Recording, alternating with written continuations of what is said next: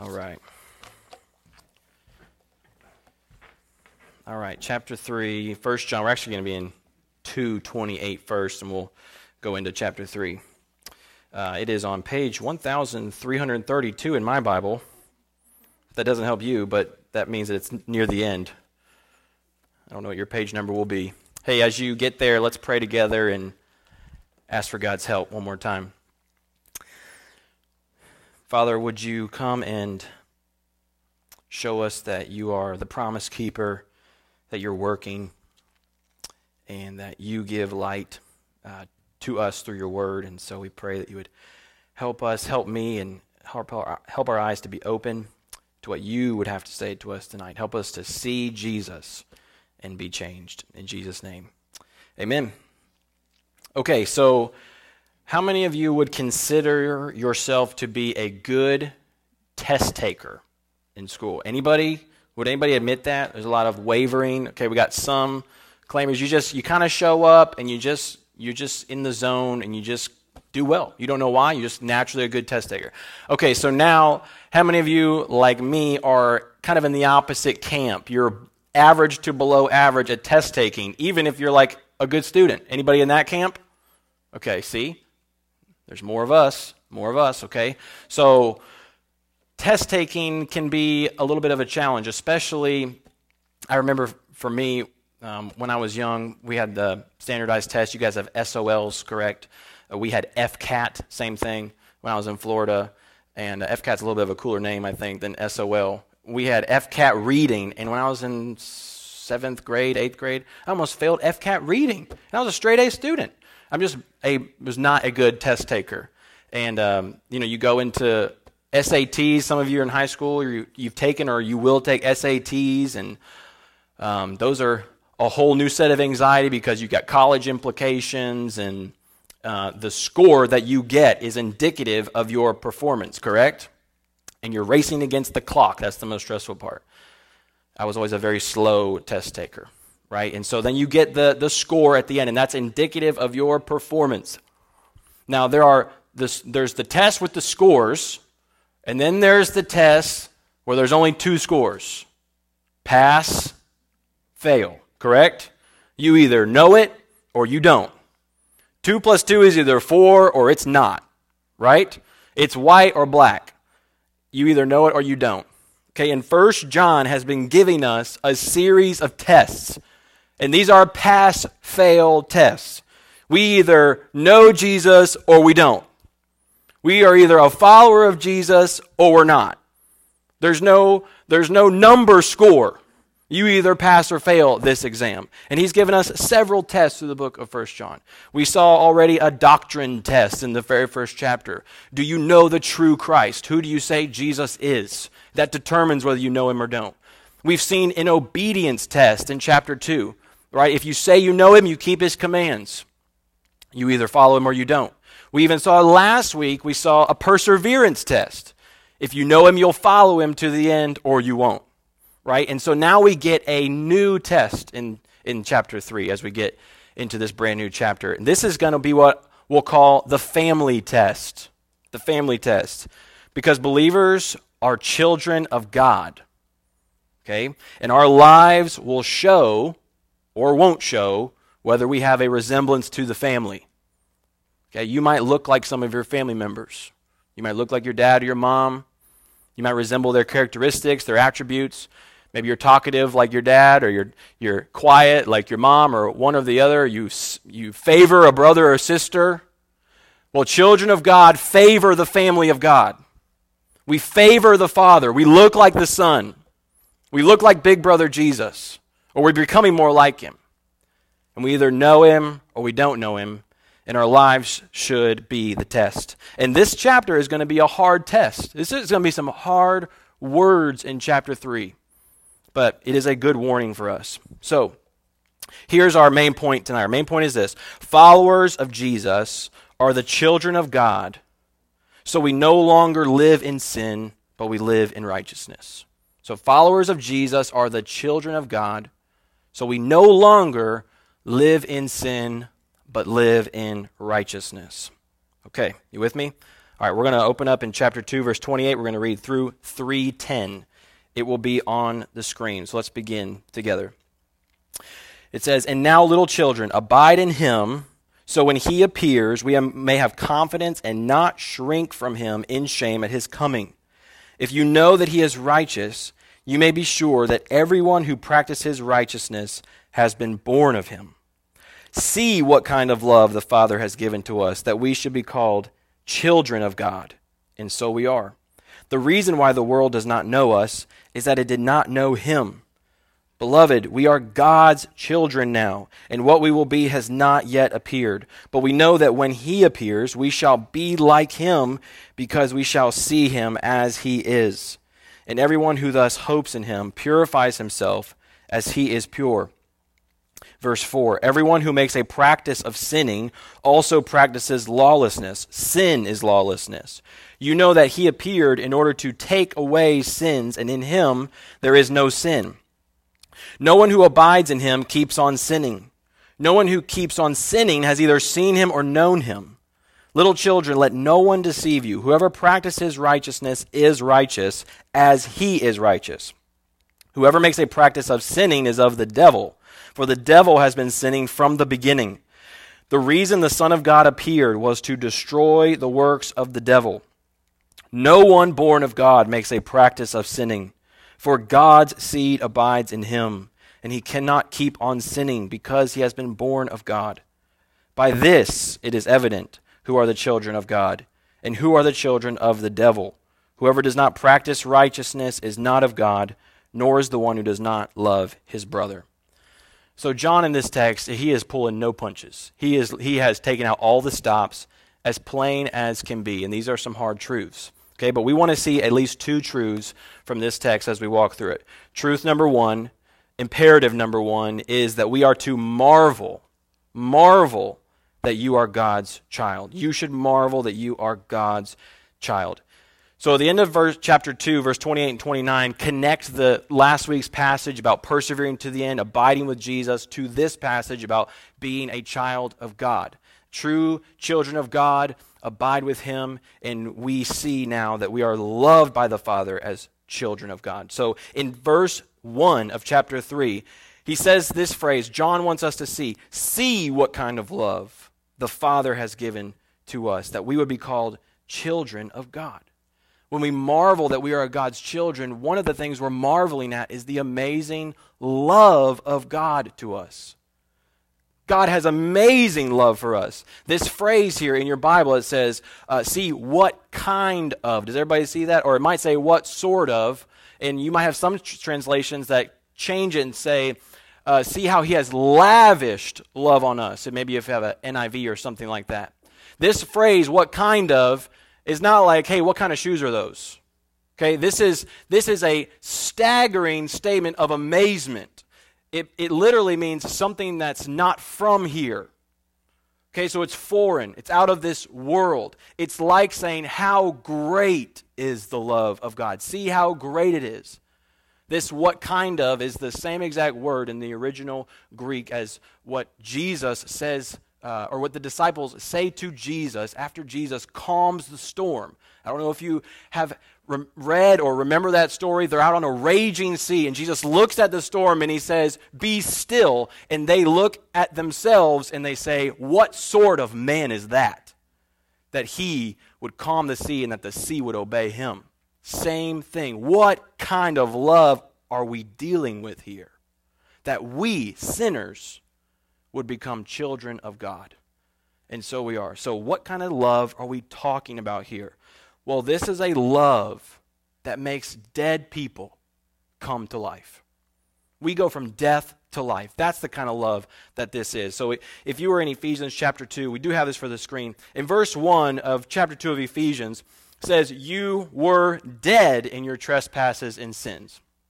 You were dead in your trespass and sin. And then if you go to verse 4, it continues this sentence. And then it says, You were dead, but God, being rich in mercy because of the great love with which he loved us. That is the only time in the Bible that Paul uses the phrase great love. The great love with which He loved us, even when we were dead in our trespasses, He made us alive together with Christ. This is the love of God, that you were dead. What do dead people do? Nothing is the answer, okay? Dead people don't do anything, they're dead. You're dead spiritually. If you throw a raft to a dead person, they're not going to grab it, okay? They're not going to do anything. They can't reach for it. They need to be resuscitated. They need life breathed into them. And this is what God has done for you in saving you. You have not done anything. God has done everything and gone the whole way to bring you home and into his family to be his child. God gave his only son for you. He loves you. Right now, God loves you so much. He pursued you so much. He went after you. He adopted you to bring you into his family. Not because you deserved it, but because he loved you before we loved him. This is the kind of love that we have. It's a love that takes dead people, makes them alive. The gospel is not making bad people good, it's taking dead people, and making them alive. This is love. So, teenager, if you are in Christ, you are a child of God. You are in the family of God. And as teenagers, I remember we struggle with our identity, constantly looking for it. We're trying to figure our life out. Who are we? That's what we're trying to figure out. I'm a swimmer, or I'm, I play baseball, or I dance, or I uh, play the guitar, or I'm a musician, I'm an artist. We root our identity in this. I'm a church kid, I'm a pastor's kid. And we're looking for places that, yeah, this is who I am. This is the box I fit in. I feel comfortable here. Or maybe we attach our identity to our sin. I'm an addict. I'm a gossip. I'm a failure. And your identity is none of those things. Your identity is that you are a child of God. You are loved by the Father. And you need to hear that. You need to remember it. You need to think about it every day. See what kind of love the Father has given to you. That He would go after you and bring you into His family. This is an incredible, incredible love. God knows you fully, and yet He loves you fully. That's true, true love. But not only that, John goes farther and he says, Not only you loved, but you are actually declared righteous. In verse 2, he says, Beloved, we are God's children now. And what we will be has not yet appeared, but we know that when he appears, we shall be like him because we shall see him as he is. We will be like Jesus. And right now we are like Jesus in one sense. We are declared righteous because Jesus is righteous. Okay? So because Jesus is righteous, you stand before God as a righteous child. Meaning that Jesus' sinlessness, his perfection, gets viewed by God as your perfection, even when you stumble. That's a remarkable thought because we stumble every day, right? But more than that, what we will be hasn't yet appeared. So one day, even though we are positionally righteous, right now we kind of like don't look righteous, right? We stumble all the time. Practically, we don't live as what we are. Okay? And we will be one day standing before Jesus in perfection, perfectly righteous like him. And until that day, God is doing something. He is working, always working, that we just sang about. He's transforming us to be what we are righteous. So the paradox of Christian life is you are righteous, yet you are becoming righteous, and both are true. Okay, you can think about that for a while. And that's the Christian life. My children, Ezra and Piper, they love bugs, and uh, they'll pick up any bug. Doesn't matter if it's poisonous or not. They don't know the difference, and uh, we're just praying that they don't pick up a poisonous beetle or snake or something. I don't know, whatever. Anyway, so they pick up caterpillars all the time and they go outside and they pick up green fuzzy caterpillars and they, they just they just look at them and they They just love them crawling all over their hands and whatever. And when you look at that caterpillar, we know that that caterpillar will one day go into a cocoon. Lord willing, it doesn't get squashed, right? It will go into a cocoon. It will undergo metamorphosis. It will be transformed into a what? Come on, guys. Butterfly. Thank you. You are all scientists. Very good. A butterfly. It will be a butterfly, but that is what it will be, no matter what. That's what caterpillars just do. And right now, you are being transformed into what you will be one day. You will stand before Jesus as what you are perf- perfect in his righteousness. And when you look to that day, that actually motivates you to live a pure life, which is what verse 3 talked about. This is an amazing reality that you are loved, you are righteous.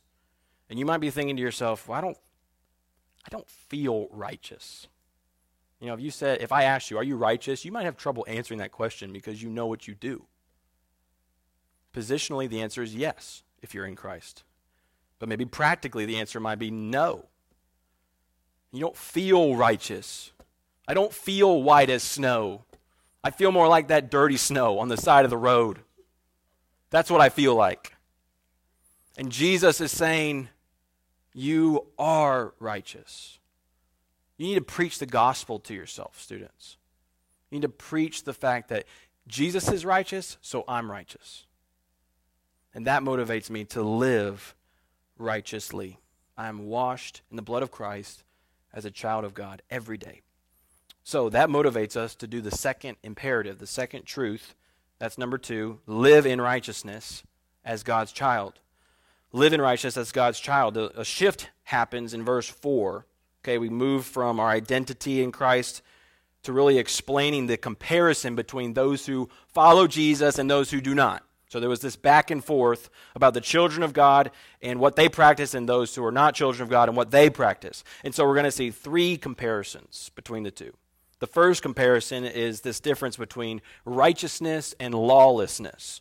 Okay, so if you look at verse 4, it says, Everyone who makes a practice of sinning also practices lawlessness. Sin is lawlessness. So if you want a good definition of sin, you have one there. Sin is lawlessness. Okay? Lawlessness is literally rebellion against God. Any rebellion against God, lawlessness. So the question needs to be asked is lawlessness a description for a Christian? Can a, can a Christian who identifies with Christ also live in lawlessness? Well, the answer is no from this text. Right? Lawlessness is described as the work of the devil in verse 8. The reason the Son of God came was to destroy the work of the devil. And Satan is called the lawless one in 2 Thessalonians chapter 2. The lawless one. So, no, lawlessness is not a character trait of the righteous, of you and me, if we are in Jesus right? We are described as righteous in verse 7. Little children, let no one deceive you. Whoever practices righteousness is righteous, as he is righteous. So, no, that lawlessness is incompatible for a believer. It does not fit. It cannot be. You cannot be in rebellion against God and walking with Jesus at the same time. The reason the Son of God came was to take away sin in verse 5. The reason he appeared was to take away sin. He appeared to take your sin and throw it into the bottom of the ocean, never to be dug up again, never to be found again. It is gone. That's why he came. He came to get rid of sin and get rid of your sin. He came to wash it clean so it has no more power over you, no more sway on you, no more punishment for you. It can't do anything to you for eternity. And so you have to ask yourselves the question if Jesus came to destroy my sin and I love it, am I really a follower of Jesus? If that's why he came. Because he will do what he came to do in your life. So lawlessness and righteousness, they cannot exist together. He came to take lawlessness away. So that leads us to the second comparison then is this difference between embracing sin versus struggling with sin. Okay, so we need to think through this because verse 6, if you look at verse 6, it says, No one who abides in him keeps on sinning. That sounds scary at first because you're like, oh, I sinned today. Like, what does that mean? No one who abides in him keeps on sinning. No one who keeps on sinning has either seen him or known him. And then verse 8 whoever practices sinning is of the devil. Well, that doesn't sound good. For the devil has been sinning from the beginning. So, what does it mean then to keep on sinning? Well, it doesn't mean that we never sin. Okay, so let's get that straight because chapter 1 told us that we sin. We need forgiveness every day, right? Chapter 1, verse 8, 9, 10. He says, Don't say you don't have sin. You need forgiveness of Jesus every day. So it's not what that means. It means a lifestyle of sinning. It means an embracing of sin, a cozying up with sin. Right? So there's this difference then between a Christian who struggles and a, a uh, unbeliever or someone who's faking it and embracing sin. So we'll do the difference. An embracer versus a struggler. An embracer, they think about sin as their friend. Okay? It is a practice. There's no shame in it. They love it, even if they call themselves a Christian. They're even numb. They're numb to the fact that their sin is separating them from God. A struggler, though, if you're a Christian and you struggle with sin, the way you think about sin is different. So you might struggle with sin, but sin to you is the enemy. Sin is not your friend. You hate sin. You hate that it keeps you in bondage. You hate that it destroys your relationship with God. You hate that it takes away your joy. You hate that it robs you of intimacy and fellowship with others. You hate sin, even though you struggle with it. You're convicted of your sin because you have the Holy Spirit. This is a prayer that strugglers are familiar with. You pray to God, God, here I am again. I fell again to the same thing. I can't believe that I'm back here tonight. And I need you to forgive me. Please help me. Please take this away. That's the struggler's prayer. And guess what? There's light because we can get somewhere with that. You got the Holy Spirit if that's your heart. That's a good thing. If you're struggling, you can get accountability and continue walking with Jesus. If you're numb and embracing it while claiming Christ, that's a bad thing. And we need to wake up. We need the Holy Spirit to convict us. So, what this means is that you cannot come to Jesus and keep enjoying your addiction. You cannot come to Jesus and keep enjoying pornography. You cannot come to Jesus and keep your obsession with money. You cannot come to Jesus and keep your love of pride. You cannot come to Jesus and live a lifestyle of disobeying parents. You cannot come to Jesus and live a lifestyle of ignoring God. You cannot come to Jesus and embrace a life of cursing and using foul language because lawlessness and righteousness do not exist together. You either follow Jesus or you do not. You're either a follower or you are a faker or you're not faking it, you just don't know him. And we need Christ. We need Christ. So there is a major, major difference. And why?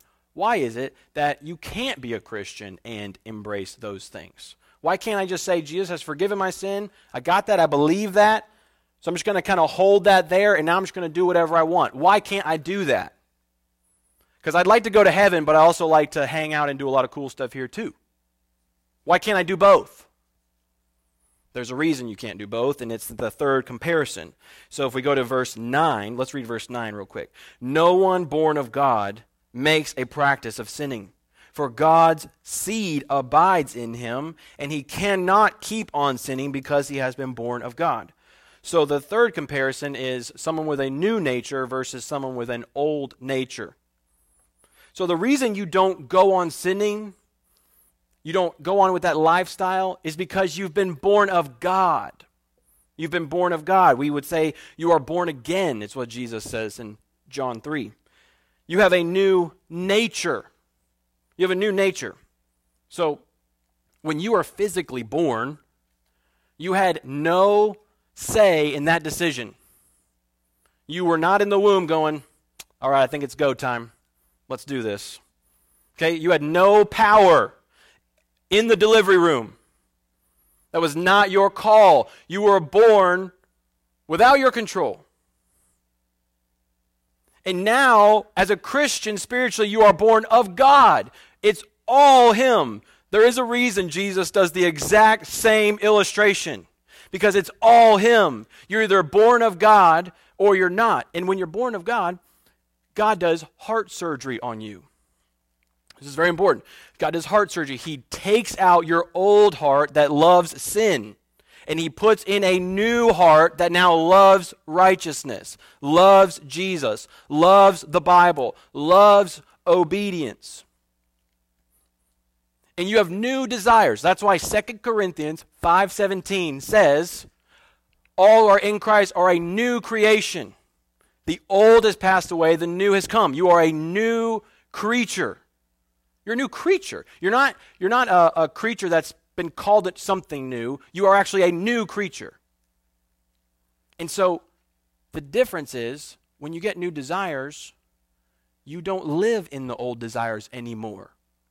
The new desires are showing that you belong to someone else. To live in the old desires shows that you don't have Jesus. Does that make sense? We get a new heart. We get a new heart. So when it says in verse 9 that God's seed abides in him, he cannot keep on sinning. For God's seed abides in him. It, it's not cannot like he should not go on sinning. Okay, this is not like if you went to the doctor and they said, hey, I'm going to put you on a new diet. You can't eat any sugar. Okay, and you say, yeah, okay. We'll see. This is not that. Okay, what the doctor is saying is if you want to be healthy, you should not eat sugar, right? That's what he's saying to you. This is more like, Mark, you can't dunk the basketball. Okay? Someone is not telling me I shouldn't, they're acknowledging my ability. You can't dunk the basketball. And I say, Yes, thank you, I know. I cannot dunk it. It means I am not able. And so Jesus is saying, John is saying through the Holy Spirit, that those who are in Christ are not able to go on in a lifestyle of sinning. Not that they just shouldn't, but that they're not able. That is a mind blowing thought. That means that if, the, if you have planted an apple tree, it will bear apples or it won't be an apple tree. Does that make sense? And so you either show that you belong to the family or you won't show it, meaning you don't belong to the family. Because no one who belongs to the family goes on unchanged by God. If God saved you, he changes you, full stop. He does not save anyone, He doesn't change. Because if it's God's seed, if it's God's spirit who goes in you, how can God go in a person and not change them? It's the power of God that does it. And he changes our desires to walk in obedience. John 5, uh, 1 John 5.18 says the exact same thing. If you went over one page, verse 18 at the end of the book, we know that everyone who has been born of God does not keep on sinning. But he has been but he who has been born of God protects him. So, we get to the end of the book here and I mean into the into the passage here in verse 10 and it says this, by this it is evident, by this it is evident, obvious who are the children of God and who are the children of the devil. Whoever does not practice righteousness is not of God so now we get our grade back for the exam. And we either pass or we fail. Does our grade say child of God or does it say child of the devil? And yeah, that's a strong phrase child of the devil. But John is reflecting on what Jesus said in chapter 8 in regular John, John's gospel. He said to the Pharisees that you are like your father, the devil. Jesus said that mean they walk in unrighteousness. So, what does the grade on your exam from chapter 3 say? If you're unsure if you pass this test, look at me. If you're unsure if you pass this test, the call for you is to turn to Jesus. The call for you is to believe on Jesus, to surrender your life to Jesus in faith, and he will save you. Romans 1:16 the gospel is the power of God for salvation for all who believe. call on Jesus, believe on him, and you will be saved from sin, death, hell. And he will make you a new person, and you'll follow him with a new nature. That's the call on your life. If you have questions about that, I'm around and adults are around. Please talk to us.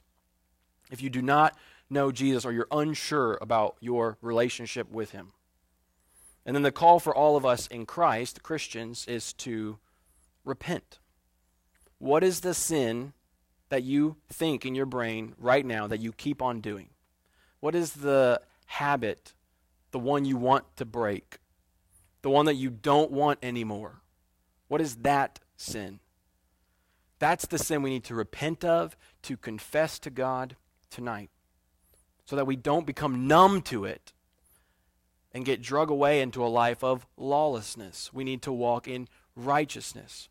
So look at the love of God. See the love of God for you. Look at what He has done. You've struggled this week. You've broken. You're, you're broken this week. You've, you've blown it this week. And God looks at you still and He says, I love you. And I'm here. And I'm ready for you to come back.